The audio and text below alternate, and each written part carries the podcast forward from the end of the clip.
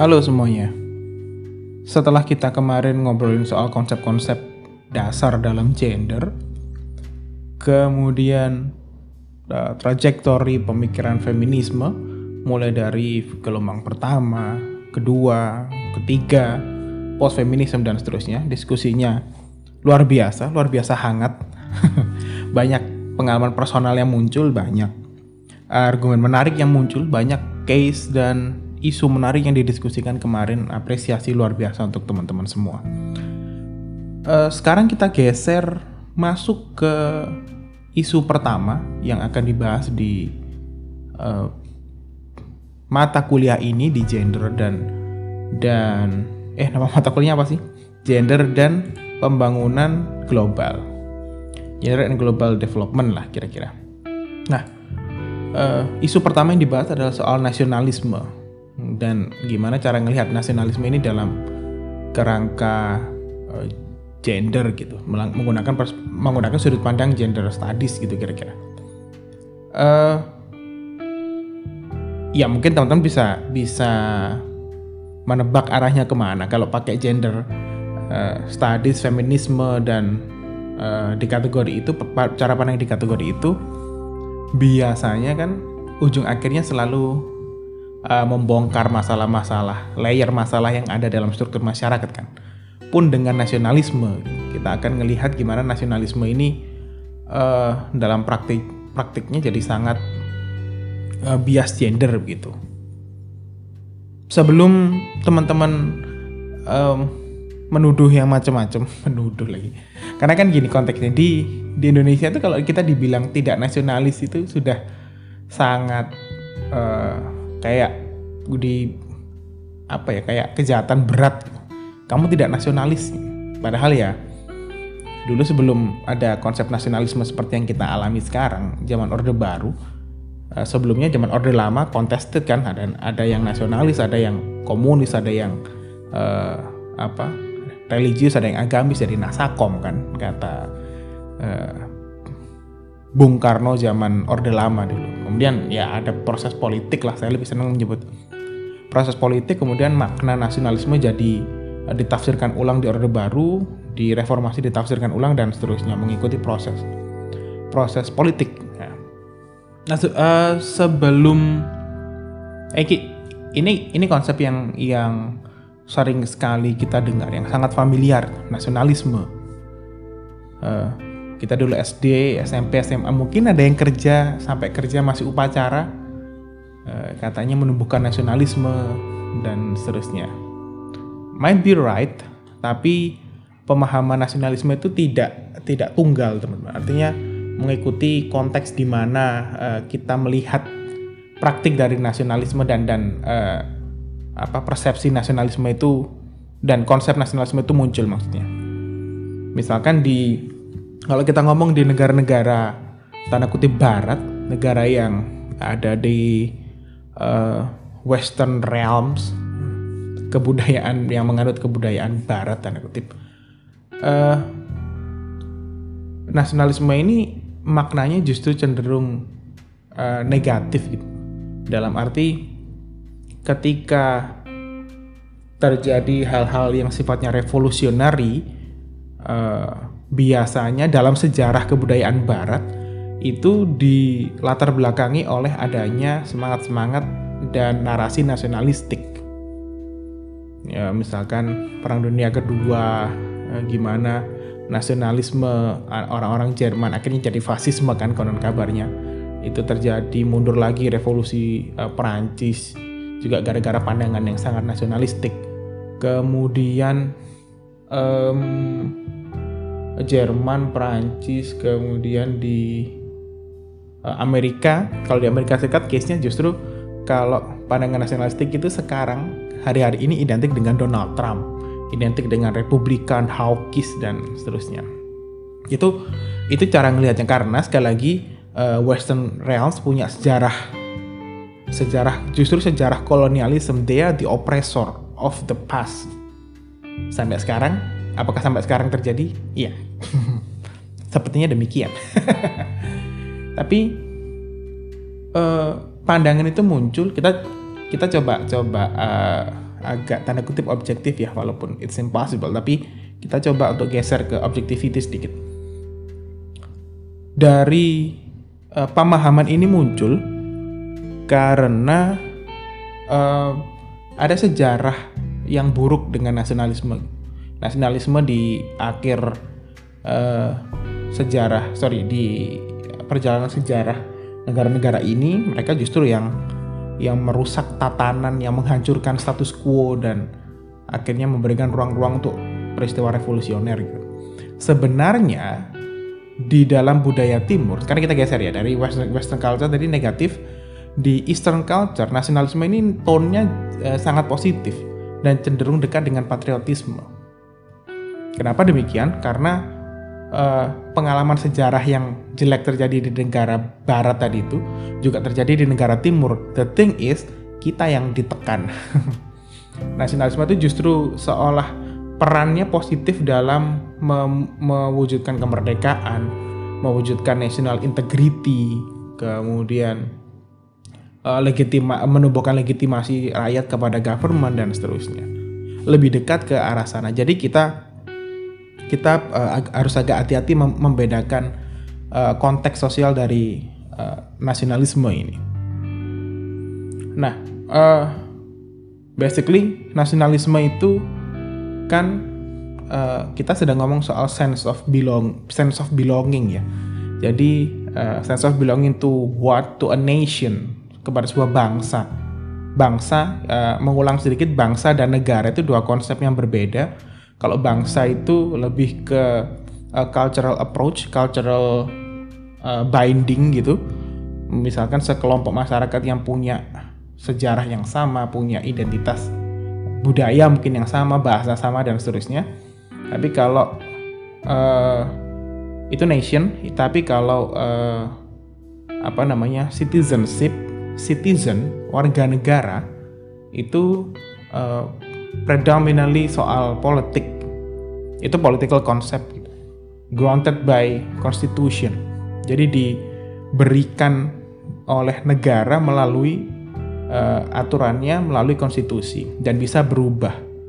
Berubah melalui apa? Melalui proses politik, melalui eligibility, melalui uh, pengajuan dan ada proses formal lainnya. Nah itu. Nah kedua ke keduanya ini jadi uh, saling berkelindan, saling saling membentuk apa namanya uh, perspektif di masyarakat mengenai bangsanya seperti apa dan dan uh, state-nya itu seperti apa. Nah, dalam kaitannya dengan studi gender, kedua hal ini juga jadi sorotan. Kenapa? Karena keduanya punya punya nuans uh, bias gender yang kuat gitu. Contoh uh, dari dari uh, kedua dua konsep ini citizenship dengan dengan apa tadi nasionalisme itu sering kali diukur uh, ukurannya jelas uh, ukurannya adalah biasanya adalah patriotisme ya. Jadi seberapa uh, mau berkorban Eh, satu individu itu kepada warga kepada negaranya kepada bangsanya. Kemudian uh, seberapa apa care mungkin kepada negara dan bangsanya. Ya mungkin seberapa patuh tanda kutip terhadap negara. Kalau konsepnya negara kan uh, salah satu ukurannya itu ya karena diatur di konstitusi tadi. Di konstitusi itu ada hak dan kewajiban dari warga negara. Nah itu yang jadi sorotan bagi uh, perspektif feminisme gitu. Uh, atau atau dalam uh, dalam konteks ini studi gender secara umum. Kedua-duanya ini selalu diukur dari rela berkorbannya. Nah rela berkorban dalam konteks berbangsa dan bernegara itu uh, kayaknya di hampir semua negara itu selalu diukur dari perang. Dari bagaimana peran satu individu itu dalam perang Contoh misalkan negara itu in uh, sedang ber berperang, kemudian di uh, apa namanya atau ada wajib militer gitu. Kalau yang mau berpartisipasi akhirnya dia punya nilai lebih di masyarakat dan yang tidak. Kalau teman-teman sering lihat uh, di uh, TV misalkan stasiun TV Amerika Serikat misalkan uh, kalau ada misalkan di kuis di kuis gitu di acara kuis ada tentara yang ikut kemudian selalu uh, you, you you were a soldier. Uh, yes uh, yes I was gitu kan. Terus selalu dibilang thank you for your service. Dan seterusnya. Nah dianggap patriotisme dianggap uh, apa namanya ukuran superiority dari satu individu sebagai warga negara itu ukuran kebaikan-kebaikannya itu adalah dari uh, bagaimana dia berpartisipasi dalam perang gitu. Nah masalahnya yang bisa berpartisipasi dalam perang itu kan harus masuk ke military service, harus masuk ke struktur militer yang which is predominantly uh, male dominated. Di sana masalahnya. Jadi kemudian orang-orang feminis mempertanyakan nah, posisi perempuan dalam uh, di sini itu di mana posisi identity gender yang lain itu di mana di sini? Apakah uh, kalau ukuran baik buruknya warga negara itu diukur dari bagaimana dia ber, berperan dalam proses uh, invasi, agresi, kemudian mempertahankan negara dalam hal ini militer. Oh, berarti kami, maksudnya yang perempuan dan uh, gender identity yang lain ini tidak punya ruang di sana. Itu itu itu akhirnya uh, apa di menjadi satu dominan naratif dalam melihat nasionalisme dan dan citizenship gitu. Akhirnya cara pandang seperti itu kan me, memunculkan banyak banyak banyak lagi masalah misalkan soal service di negara-negara yang sangat menjunjung tinggi militaristik, militerisme, misalkan eh, anggota militer tentara itu punya punya privilege. Misalkan ngantri diduluin gitu, hal-hal kayak gitulah. Kemudian uh, di Indonesia tentara nggak boleh ngevote karena dianggap uh, mengontrol resource dan itu amanat uh, reformasi kan. Kemudian uh, dalam kalau dia menjabat dia punya power. Kemudian dia lebih gampang menjabat, di, lebih lebih dipercaya orang uh, kalau dia mencalonkan sebagai uh, misalkan kepala daerah atau kepala uh, negara misalkan.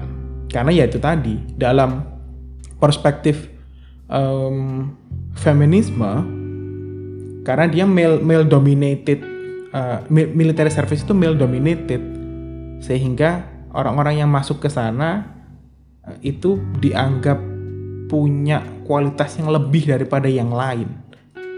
Oke. Okay? Nah, di di sana uh, masalahnya berawal. Kenapa demikian? Kenapa yang kenapa uh, masuk ke militer itu kemudian jadi uh, jadi ukuran superiority dari satu warga negara di banyak tempat ya. Saya nggak bilang semua tapi di banyak tempat itu itu terjadi. Uh, argumen dari uh, uh, apa sudut pandang kalau ngangkat dari aspek gendernya salah satunya adalah uh, kaitannya soal gender relations. Jadi pattern yang terjadi dalam masyarakat yang patriarkik adalah uh, perempuan itu ada di dalam rumah, laki-laki itu ada di luar. Which mean perempuan bertanggung jawab terhadap household, terhadap chores, terhadap um, kerjaan yang ada di dalam rumah, sedangkan laki-laki itu uh, bebas ngapain aja di luar, kerja mungkin atau main atau ngapain lah. Itu uh, bias gender yang terjadi dalam uh, masyarakat. Nah, dalam dalam militer itu juga embedded gitu. Itu juga terlembagakan gitu loh. Kenapa militer itu jadi sangat jadi sangat uh, superior dalam uh, status sosialnya tinggi ya karena mereka tidak terikat dengan dengan uh, domestifikasi tadi. Kalau Anda bergabung dengan militer, Anda bebas untuk masuk ke uh, bebas untuk pergi ke mana pun dikirim ke negara A, B, C, D, E berperang membunuh orang kemudian invasi uh, assessing basically assessing your masculinity side. Kemudian yang ada di negara anda yang tugasnya domestik tanda kutip oke okay, itu biasanya dipandang tidak lebih baik daripada yang dikirim keluar. Nah itu uh, itu salah satu sebabnya kenapa di, di militer itu jadi jadi ukuran dalam citizenship. Ya karena kita tidak harus ngerjain ukuran domestik. Ya eh, ukuran lagi. Kita tidak harus ngerjain kerjaan domestik di rumah. Di dalam rumah dalam negara di dalam rumah di dalam rumah individu in your home. Karena itu tanda kutip adalah kerjaan perempuan tanda kutip. Sehingga kesan yang muncul adalah bahwa kalau bisa lepas dari itu ya saya jadi setingkat lebih tinggi atau beberapa tingkat lebih tinggi daripada citizenship biasa tanda kutip. Itu itu uh, kenapa ke kenapa masuk militer itu jadi jadi ngebawa status sosial tertentu. Kemudian di sisi lain juga mereka uh, yang male dominated military service tadi itu ia juga akhirnya karena dia sangat patuh terhadap konsep negara terhadap arahan dari negara dia adalah docile body tubuh-tubuh yang patuh kalau kata Michel Foucault uh, mereka diperintahkan negara apa pun mereka akan lakukan kan? Mereka diperintahkan oleh uh, struktur politik, struktur kekuasaan untuk misalkan serang negara ini mereka bakal lakukan. Itu kepatuhan terhadap negara itu akhirnya yang ketemu dengan bagaimana negara, bagaimana militer eh, tadi itu mencerabut laki-laki dari um, kerjaan di rumah, household chores-nya, itu akhirnya yang yang yang menjadikan uh, yang membentuk perspektif bahwa ketika kamu masuk militer dan kamu berperang di luar negara itu derajat superioritinya menjadi meningkat itu itu uh, gimana cara kita memproses uh, citizenship dominated male dominated citizenship dari dari sudut pandang gender. Nah, um, dari situ dari dari situ tadi juga muncul uh, pandangan kenapa nasionalisme itu jadi sangat sangat maskulin gitu. Uh, orang yang nasionalis, logikanya urutannya kan gini, orang yang seorang citizen yang nasionalistik itu yang bersedia berkorban uh, jiwa dan raga mungkin bahasa Indonesia-nya untuk uh, negaranya. Berkorban jiwa dan raga itu yang paling possible adalah melalui perang. Melalui perang jalurnya adalah melalui uh, bergabung dengan militer. Kenapa bergabung dengan militer uh, jadi sangat uh, apa diglorifikasi sebagai seorang laki-laki dan citizen dan seorang warga negara. Ya karena itu tadi dia jadi jadi maskulin dengan berjarak dengan berjarak dengan uh, apa konteks yang ada di rumah tadi tanggung jawab yang ada di rumah.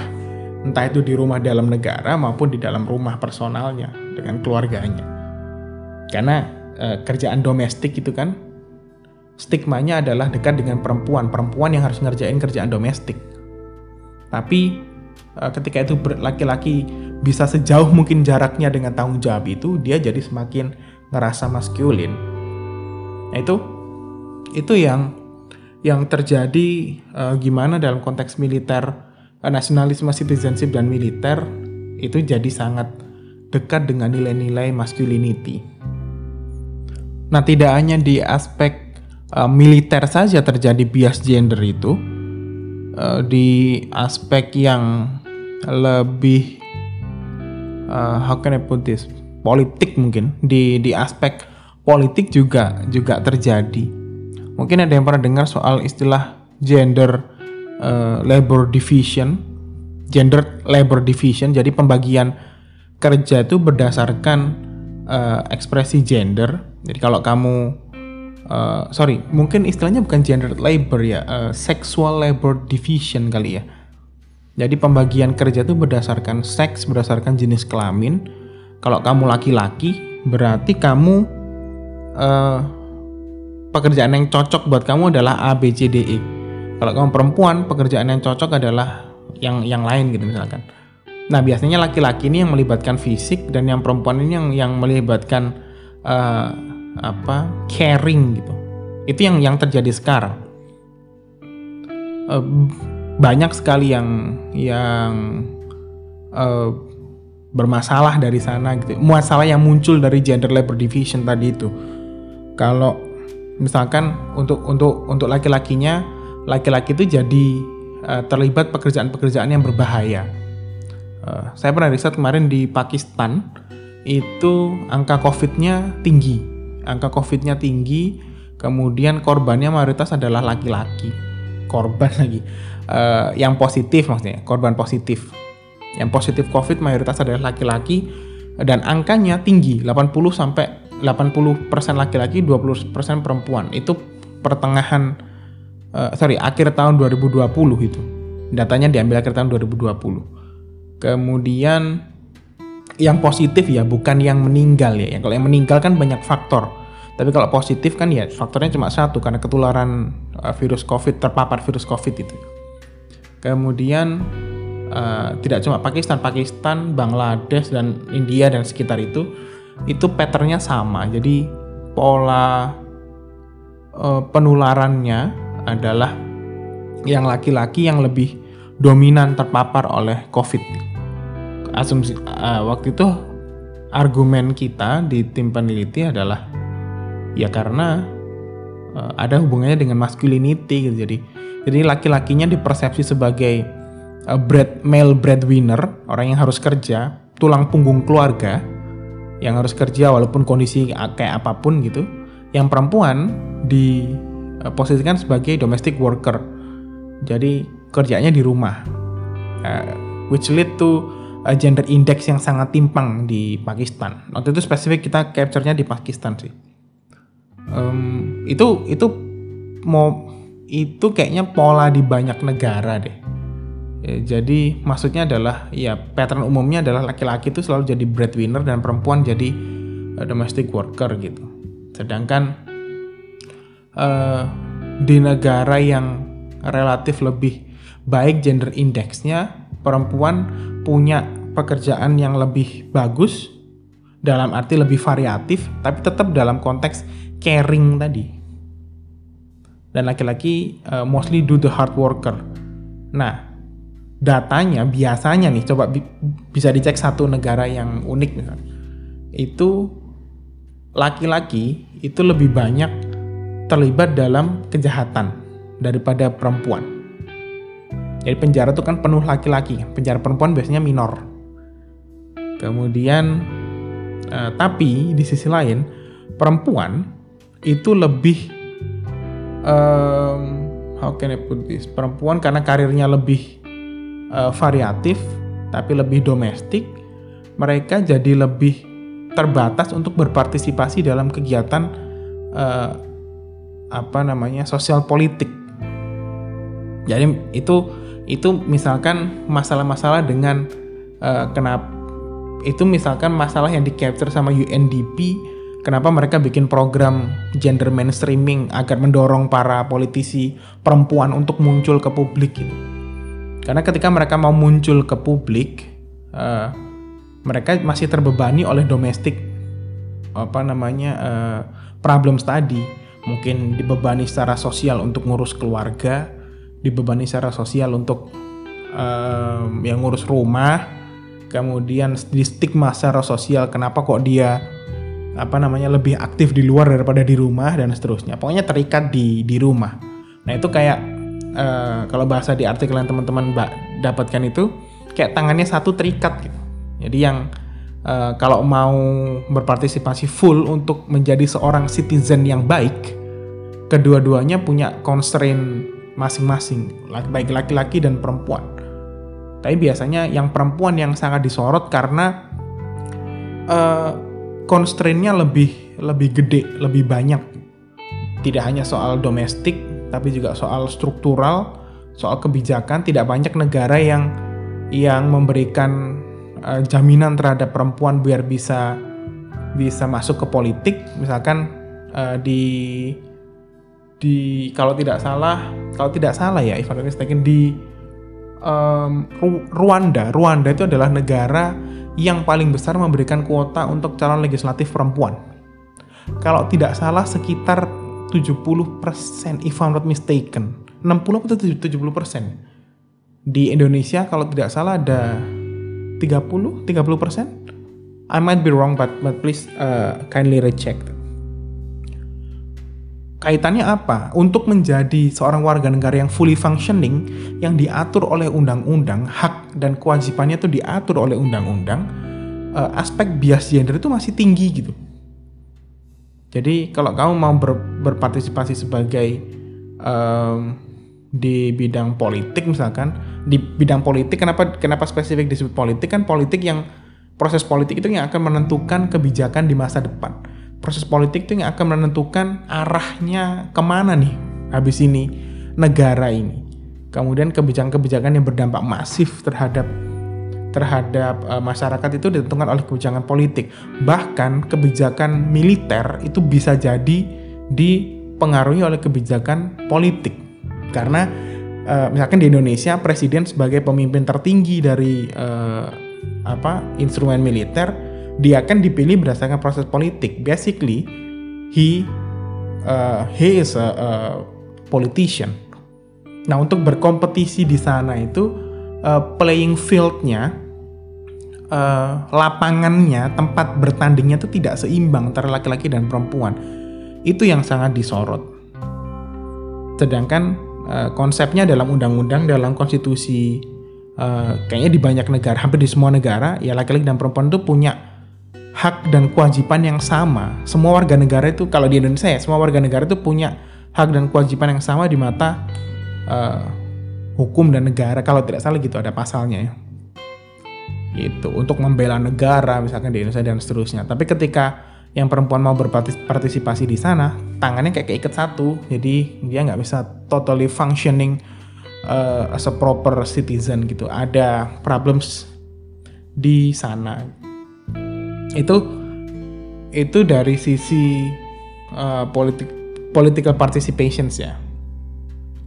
Nah dalam um, biasanya disebutnya oh woman suffer uh, twice kalau nggak salah atau, atau atau triple dalam kaitan untuk berpartisipasi dalam uh, ruang-ruang uh, dan peran-peran publik gitu. misalkan politisi misalkan uh, jadi tentara jadi polisi atau berkarir dan seterusnya untuk fully functioning sebagai warga warga negara.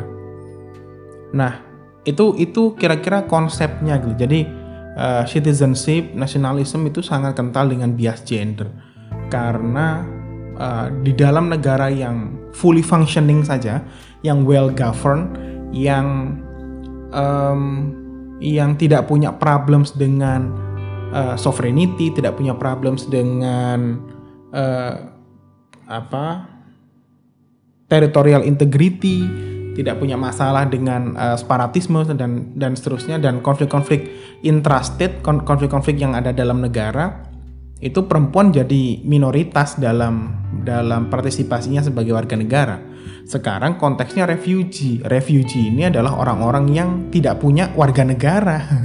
Maksudnya warga negara mungkin bukan tidak punya, punya tapi uh, balik ke konsep warga ke konsep warga negara yang tadi. Warga negara itu kan diberikan berdasarkan uh, proses politik. Jaminan uh, jaminan dari negara itu adalah aspek yang menyusun ke ke pos uh, yang yang menentukan posisi seseorang di dalam dunia internasional kan. Misalkan uh, kalau saya memegang paspor Indonesia artinya saya dijamin oleh warga dan dijamin dan diakui hak dan kewajibannya oleh warga negara eh, oleh negara Indonesia. Oke, itu yang yang mungkin yang menyebabkan kalau saya pergi ke luar negeri um, saya menjadi perpanjangan tangan dari pemerintah Indonesia untuk uh, dihormati dan diperlakukan seperti seperti uh, selayaknya oleh oleh negara dan masyarakat yang saya tuju karena saya pegang paspor Indonesia. Saya punya jaminan dari Indonesia dan dunia internasional. Tapi kalau refugee konteksnya beda. Mereka mostly woman. Refugee itu konon kabarnya adalah konon kabarnya, konon datanya dari UNHCR uh, eh, adalah negara adalah iya didominasi oleh uh, perempuan dan anak-anak gitu. Karena biasanya dalam negara konflik dari wilayah konflik yang laki-laki ikut berperang. Yang bisa mengungsi tanda kutip adalah perempuan dan anak-anak.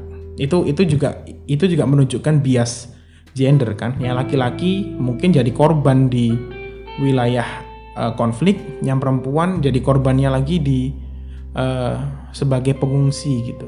Nah, sebagai pengungsi, perempuan dan anak-anak ini jadi triple maju triple minority.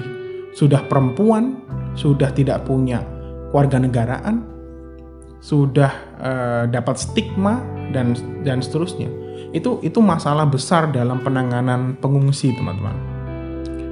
Uh, dalam dalam uh, kalau tadi kita ngelihat wanita yang punya warga negara mungkin constraintnya dia ada di domestic domestic role dan uh, public roles.